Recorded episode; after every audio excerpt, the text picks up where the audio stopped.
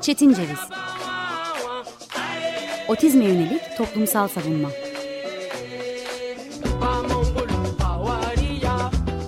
Hazırlayan ve sunan Deniz Yazgan.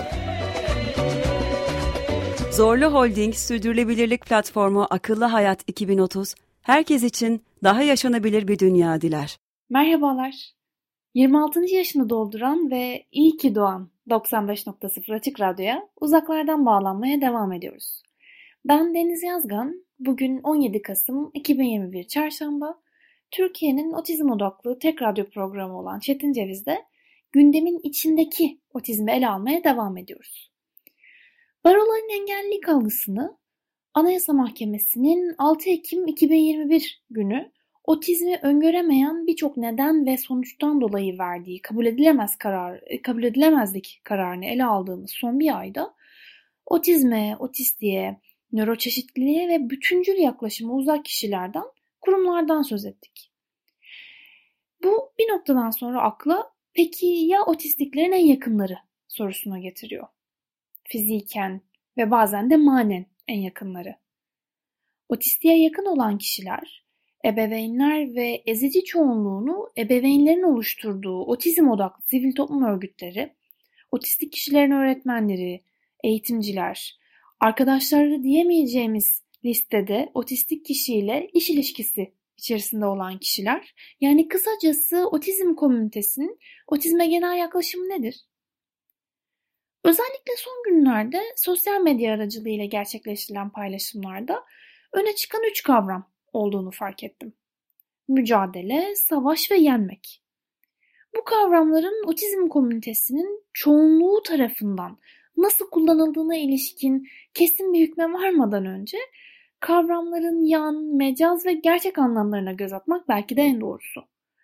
Mücadeleye baktığımda, TDK'dan baktığımda birbirlerine isteklerini kabul ettirmek için iki taraf arasında yapılan zorlu çaba savaş ve herhangi bir amaca erişmek bir kuvvete karşı koyabilmek için bir kişi veya topluluğun güçlü, sürekli çabası savaşım olarak tanımlandığını görüyoruz. Savaştan, savaşımdan söz etmişken TDK'daki savaş tanımına baktığımızda askerlik, devletlerin diplomatik ilişkilerini keserek giriştikleri silahlı mücadele, harp, cenk, cidal, uğraşma, kavga, mücadele, bir şeyi ortadan kaldırmak, yok etmek amacıyla girişilen mücadele olarak tanımlandığını görürüz. Ve hemen ardından bir örnek verildiğini görüyoruz. Veremle savaş. Veremle savaş örneği akla Susan Sontag'ın metafor olarak hastalığını getiriyor benim için. Çünkü 24 Mart 2021 günlü programda birkaç atıf yapmıştık e, Susan Sontag'a. Daha doğrusu e, bütün bir programı Susan Sontag'ın eserlerine atfetmiştik, adamıştık.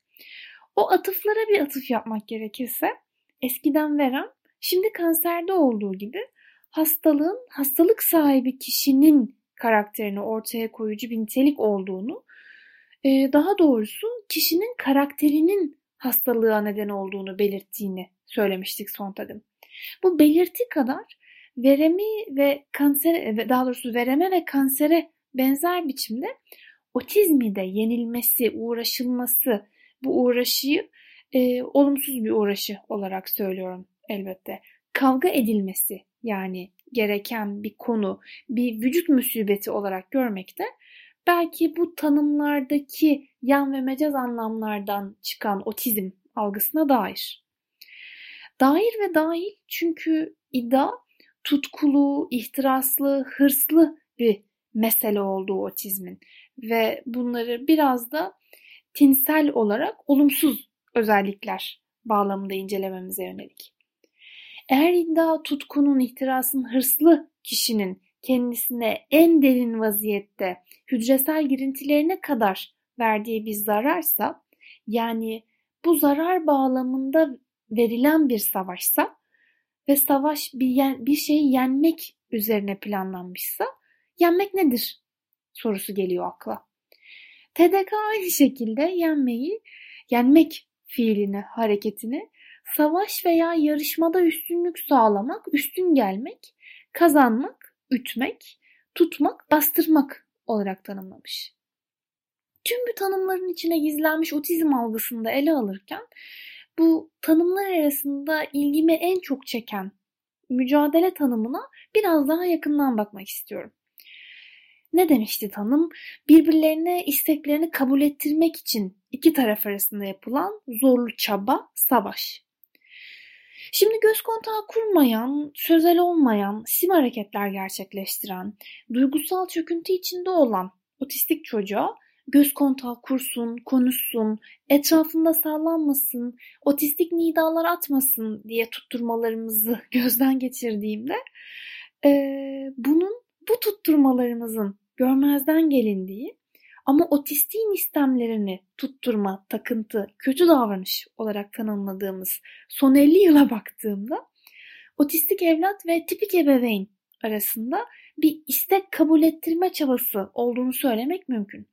Belki de otizme yönelik mücadele tanımının biz otizmle savaşıyoruz, biz otizmle mücadele ediyoruz gibi söylemlerin en büyük sebebi de çocuğu var olmayan bir tipiklik eşiğinden sürükleye sürükleye çekme, sürükleye sürükleye e, geçirme şeklinden de e, şekline de bürünüyor belki de. Çünkü nörotipiklerden daha çok oluşan nörotipik insanlardan yani nörolojik yapılanması tipik bir şekilde var olmuş insanların yoğunlukta olduğu Türkiye Otizm Komitesi'nin otizmle mücadele iddiasının belki de buradan geldiğini düşünmek çok uzak erimli bir düşünce veya e, bir itham olmaz diye düşünüyorum. 50 yıl dedik ama son 30 yıla baktığımızda yani Türkiye'de 90'lı yılların başından bu yanaya baktığımızda en önemli terimlerin erken müdahale ve takip timleri olduğunu görüyoruz. E, aslına bakarsak e, çocuğun ve bu bağlamda müstakbel yetişkinin kendi oluşuna ve tipik dünyaya sürüklenişine ilişkin bir mücadele görüyoruz tekrardan söylemek gerekirse. Ceza muhakemesine özgü bir koruma tedbirini, daha doğrusu koruma tedbirlerini andırıyor bu bana. Çünkü ilk önce inceliyoruz karşımızdakini bir polis edasıyla. Bir şeylerden şüpheleniyoruz, durduruyoruz, arıyoruz, gözaltına alıyoruz, tutukluyoruz. İddianameyi herhangi bir bozukluktan yazıp kovuşturma aşamasına geçtikten sonra hükmü otizmden veriyoruz. Bu bağlamda otizmle e, tıpkı bir suçla mücadele eder gibi mücadele etmiyor muyuz? Yani suç ise otizm, fail de otistik değil mi? Sen benim sınavımsın diyerek Freudian koşullarla bağrımıza bastığımız çocuklarımızı, kardeşlerimizi e, ve iyilikle kabul ettiğimiz tırnak içinde insanlarımızı aslında kendileri oluşlarıyla cezalandırmıyor muyuz? Fail Ali kıran, baş koparan bir varlık mı? E, tetikleyici unsurlar barındırabileceği belirtisiyle duygusal çöküntüler esnasında kendisine ve veya başkasına zarar veren bir otistiği karşı koyulması gereken bir kuvvet olarak görüşümüz, bu görüşümüzdeki birlik, öğretideki bu baskın görüş ne zaman oluşuyor, ne zaman başlıyor? Bu noktada mücadele kavramının bir ikinci tanımına bakmak en doğrusu bence.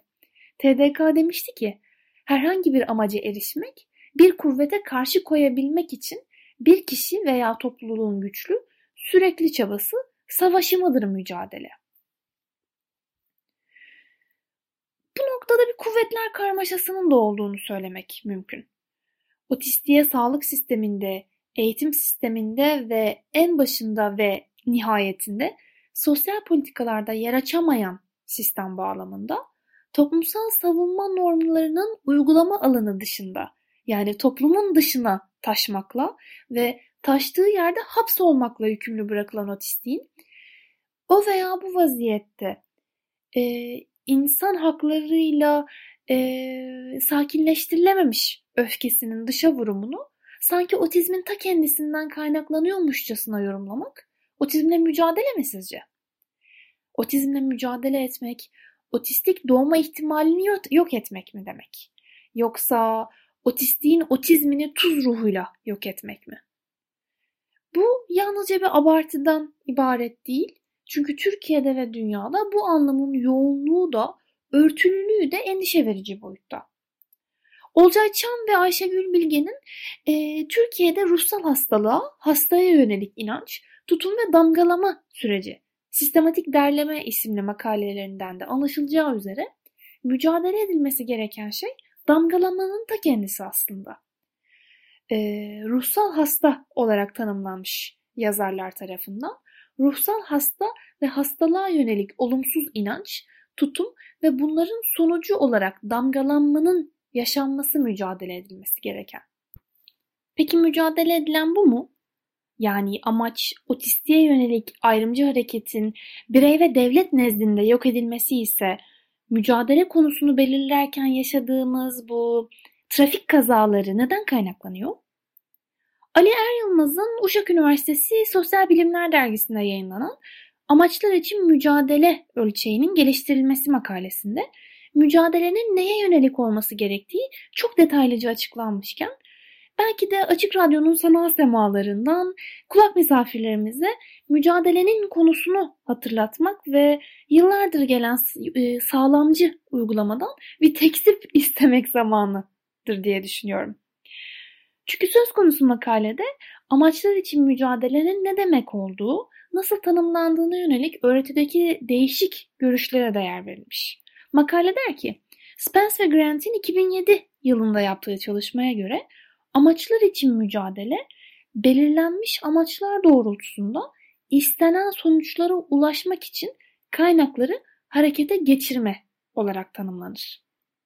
Sheldon Kessler ve Sharon, Sharon ya da 2002 yılındaki çalışması ise amaçlar için mücadele etmeyi şimdiki durumdan istenilen ve değer verilen duruma geçme olarak tanımlamış.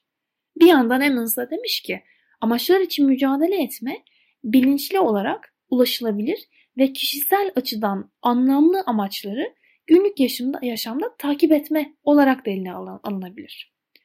Locke ve Latham'a göre amaçlar için mücadele etmede bireylerin amaçlarına bağlanmaları bir başka deyişle amaçların amaçlarının önemli olduğuna inanmaları amaçlarını gerçekleştirme yolunda ilerlemeleri yine bir başka deyişle amaçlarını gerçekleştirmek için ısrarcı olmaları ve amacı gerçekleştirme çabalarını bırakmamaları önemli boyutlardandır.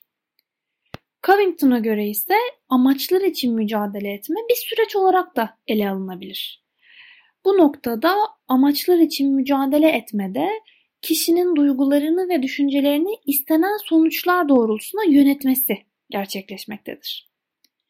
Birden fazla neden ve sonuçla amaçlar için mücadele etmenin nasıl tanımlandığını izlerken otistik varoluşun bu amaçlar için mücadele etmekten uzak olmadığını yani eğer amaç otistik için refahı sağlamak, otistik refahı sağlamak ise eğer otistik varoluşun yok edilişinden geçmeyeceği de açıktır. Bunu romantize ederek, otistik davranışları, otistik nidaları romantize ederek değil, reel ve bilimsel boyutla ve fakat engelliyi açıklayan tıbbi modelle değil, engelliyi açıklayan sosyal modelle ele almak da mümkün.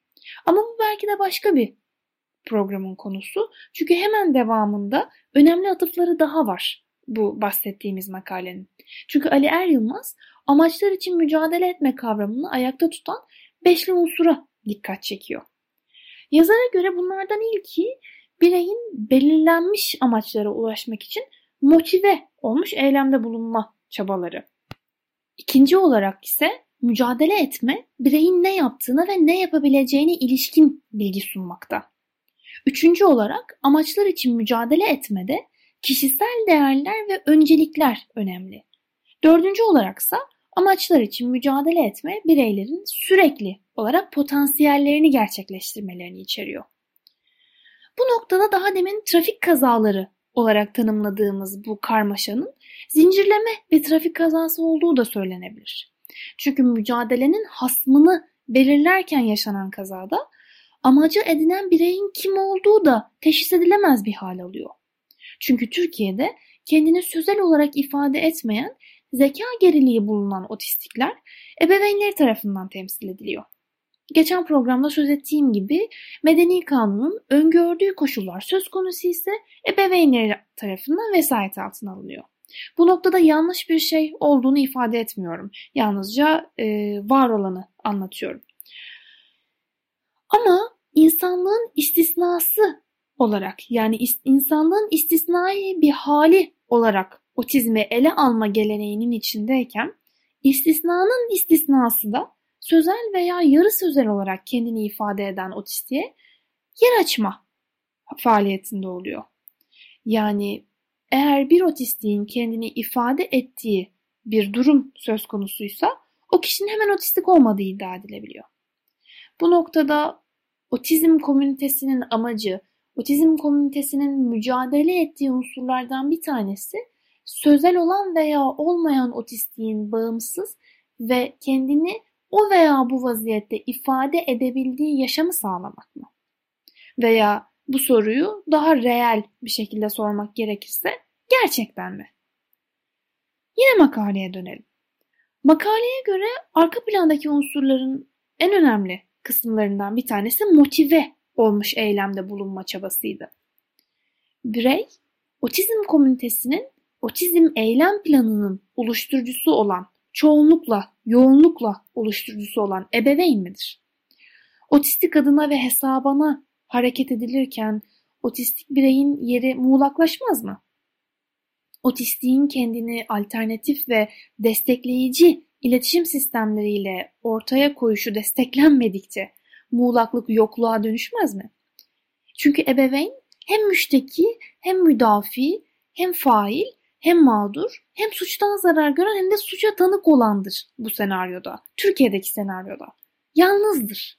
Her şeyi kendi yapmak zorunda bırakılmıştır ve doğal olarak da birçok şeyi de yanlış yapar. Yanlış kolayca kabullenilecek bir yanlış değildir. Bunu duyduğunda bile tüyleri diken diken olacak birçok ebeveyn vardır. Tüylerini diken diken ettiğim için ve belki de kötü hissettirdiğim için özür dileyebilirim. Ama Greta'nın dediği gibi bazı insanları öfkelendirmek gerekir. Bu yanlışın kolayca kabullenilecek, e, özür dilenip nedamet getirilecek bir yanlış olmaktan çıkması da bu öfkeye bağlıdır. Ve mücadele bir noktadan sonra hasmı yanlış seçildiği için konuyu ve kişiler arası ilişkiyi bir kangrene sürükler. Çünkü makaledeki ikinci unsurdan devam etmek gerekirse mücadelenin bireyin ne yaptığına ve ne yapabileceğine ilişkin bilgi sunduğu ise konu, otistiğin ne yaptığı ve yapabileceğine ilişkin altyapı eksikliği, var olan altyapının otistiği yok etme, otistik davranışı yok etmeye yönelikliği ve açıkça söylemek gerekirse öjenikliği ve aslına bakarsak konuya çok da ilgi duymama gibi sorunlar otistik potansiyeli zorla kaybeder. Bu kaybettirilişin diğer unsurlara etkisi de kesin ve keskindir.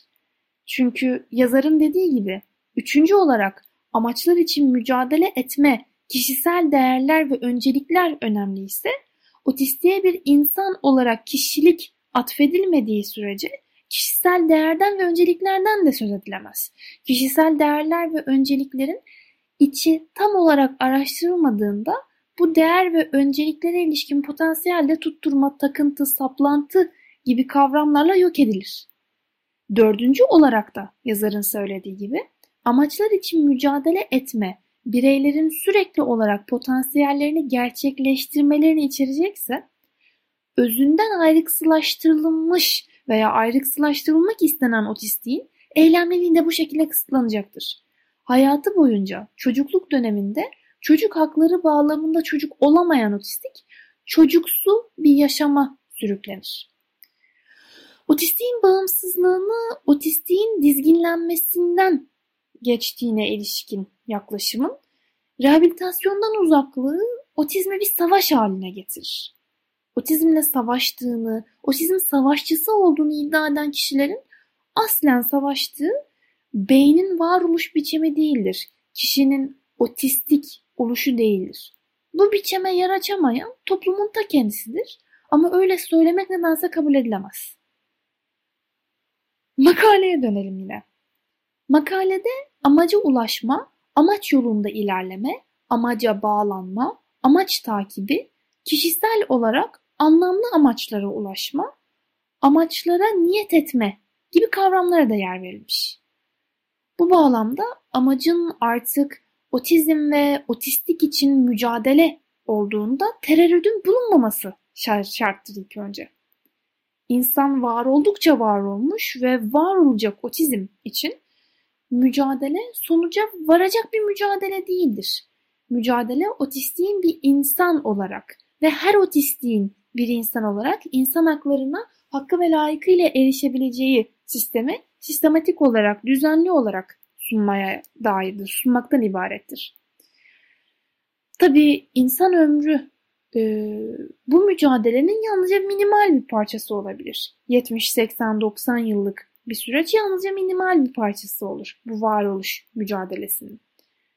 Ama otizm alanında bir şey değiştirmek de bu nedenle tek bir kişinin iddiası olamaz. Bir kişi daha doğrusu bir kişinin iddiası Türkiye'de veya dünyada veya yerelde otizm adına bir şeyleri değiştirmeye yönelik yegane unsur, yegane anahtar olma iddiasından geçemez ve geçmemelidir. Bu noktada kişiler ve özellikle ebeveynler bu iddiaya e, yalnızca hedon, e, hedonik bir vaziyette veya narsistik bir vaziyette kaymaz. Zorunda bırakılır. Ama gerçekçilikten yoksun bu iddia ve dediğim gibi otistik bir distopyaya yönelik e, gerçekçilikten yoksun bu iddia yüzünden otizm romantikleştirilir, dezenformasyona konu edilir ve aslına bakarsak kanayan yaraların en büyüğü olan ticarileştirilir. Amaca ulaşma konusunda belki de bu terörün bulunmaması şartken amaç yolunda ilerleme ise otizmi artık tek bir konu gibi ele alma ısrarından vazgeçmektir. Artık şu kabul edilmelidir. Feminizm gibi otizm de bir mega terimdir. Otizm ve nöroçeşitlilik savunuculuğu ihtisas alanlarına ayrılmalıdır artık. Mücadele için gerekli olan ilerleme engelliyi açıklayan sosyal model çerçevesinde otistiğin lider olduğu çalışmalarla gerçekleştirilebilir. Amaca bağlanmayla devam etmek gerekirse otistiği mütemadi çocuk olarak kabulden geçen ve Freudian ve oldukça problematik yaklaşımla değil, hayatı otistik kişilere adayarak değil, gerçek olmayan bir altruizm iddiasıyla değil, sistematik ve bilimsel adımlarla sağlanabilir bu amaca bağlanma meselesi. Amaç takibi ise eleştiri ve öz eleştiriden geçer. Buna ilişkin yalnızca bunu söylemek bile yeterlidir. Yeni amaçlara niyet etmekse uzun zamandır şu tuttura geldiğimiz uygulanmayan, uygulandığında da zaten sağlamcılıktan öte çıktısı olmayan planlardan değil, yeniden yapılanmalardan, yeniden yapılandırmaktan geçecektir. Otizmin kendisini suçtan ve cezadan ayrıksı olarak düşünme iddiası da aslında toplumsal savunma ilkelerinin gerekliliğidir. Herhangi bir varoluşu sorumlu kabul etmektense her insanın biricik olduğunun doğal bir kabulü, daha doğrusu her insanın biricik olduğunun doğal bir kabul olduğu bir gök adayı, bir e, sivil toplum gök adısını yaratma cesareti de, yapılandırma cesareti de otizm ve otistik için mücadelenin asli unsurudur aslına bakarsak. Çünkü otizm yenilesi bir şey değil. Çünkü bir insanın beynini yenmek insan haklarıyla bağdaşan bir iddia değil. Yenişemediğimiz şey adı otizm olsun ya da olmasın farklılığın ta kendisi aslında. Farklı olmaya dair bir mücadele ise bu ve farklılığı kapitalleştirebildikçe kutsadığımız düzenin devamı ise öngörülen artık bunu onamak da mümkün değil. Belki bundan aylar önce Blogging Against Disabilism Day blogundan yaptığımız atı, atfı tekrarlamak en doğrusu kapanışa geçerken. Tetikleyici unsurlar barındığını belirterek elbette. Biri otizmi trajedi olarak tanımlar. Bir diğeri otistik birini öldürür. Bir başkası bu iki olayın nasıl ilintili olduğunu seçemez. Açıklamaya çalışayım. Biraz daha uğraşayım. Buradaki konumuz devalüasyon yani değer kaybı. otizm ve trajediyi eşleştirmek sıradanlaştığında bu eşleşme toplumsal bilinçte kök salmaya, derinleşmeye başlar. Yapboz parçası otizm için tanınmış sembol haline geldiğinde otistik kişinin tamamlanmamış olduğu mesajı vurgulandıkça vurgulanır. Otizm dendiğinde trajedi fonda yankılanır. Muamma yankılanır. Biri otistik bireyin kendine nasıl sesleneceğine yönelik istemini politik olarak doğrucu olarak niteler. Bir başkası dahiyane biçimde farkındalık yaratmak için binaların mavi ışıklandırma fikrini edinir. Herkes trajedinin, gizemin ve ötekiliğin daha da farkına varır. Kimse otistik bireye bunun geleceği için ne anlama geleceğini sormaz. Otistik kadın iş ister ama işveren onun gibilerinin şiddete meyilli olduğunu duyuvermiştir. Otistik kadın kendi başına yaşamak ister ama heybesi sonsuz çocukluk ve çaresizlikle doldurulmuştur. Otistik kadının bir iletişim aygıtına ihtiyacı vardır ama bir başkası bunun beyhude olduğunu düşünür. Birileri illa bir şeyler duymuştur. Otistik kadın yılgınlıkla başını duvara vurur. Biri bu davranışla duyduklarını delillendirmiş olur. Şimdi otistik kadın tecrittedir. Başka bir yerde başka bir çocuk otizm tanısı almıştır. O küçük çocuk yaşamdan koparılır. İşte bu trajedinin gerçek anlamıdır. Sesler mağduru, katledilen değil, katledeni anlamak için yükselir. Suçlu olan otizmdir. Sonra bir yapboz sticker'ı daha bir araba tamponuna yapıştırılır. Otizm yeniden bir enigma olarak ortaya çıkarılır. Bir başkası daha bu püsküren söylemin karanlığına çekilir. Artık bu püsküren söyleme yönelik mücadelenin mücadelenin bu püsküren söylemden yeniden çıkan yangınlara değil, su serpmeye yönelik değil, otizme yönelik yeni bir habitat oluşturmaya ve bu habitatların toplumun ta kendisinde, toplumun tam da merkezinde olmasına yönelik e, bir mücadelenin var olmasını umuyoruz. İki hafta sonra görüşmek üzere. Hoşçakalın. Çetin Ceviz Otizme yönelik toplumsal savunma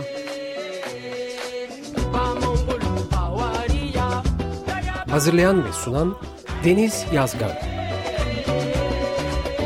Zorlu Holding Sürdürülebilirlik Platformu Akıllı Hayat 2030 sundu.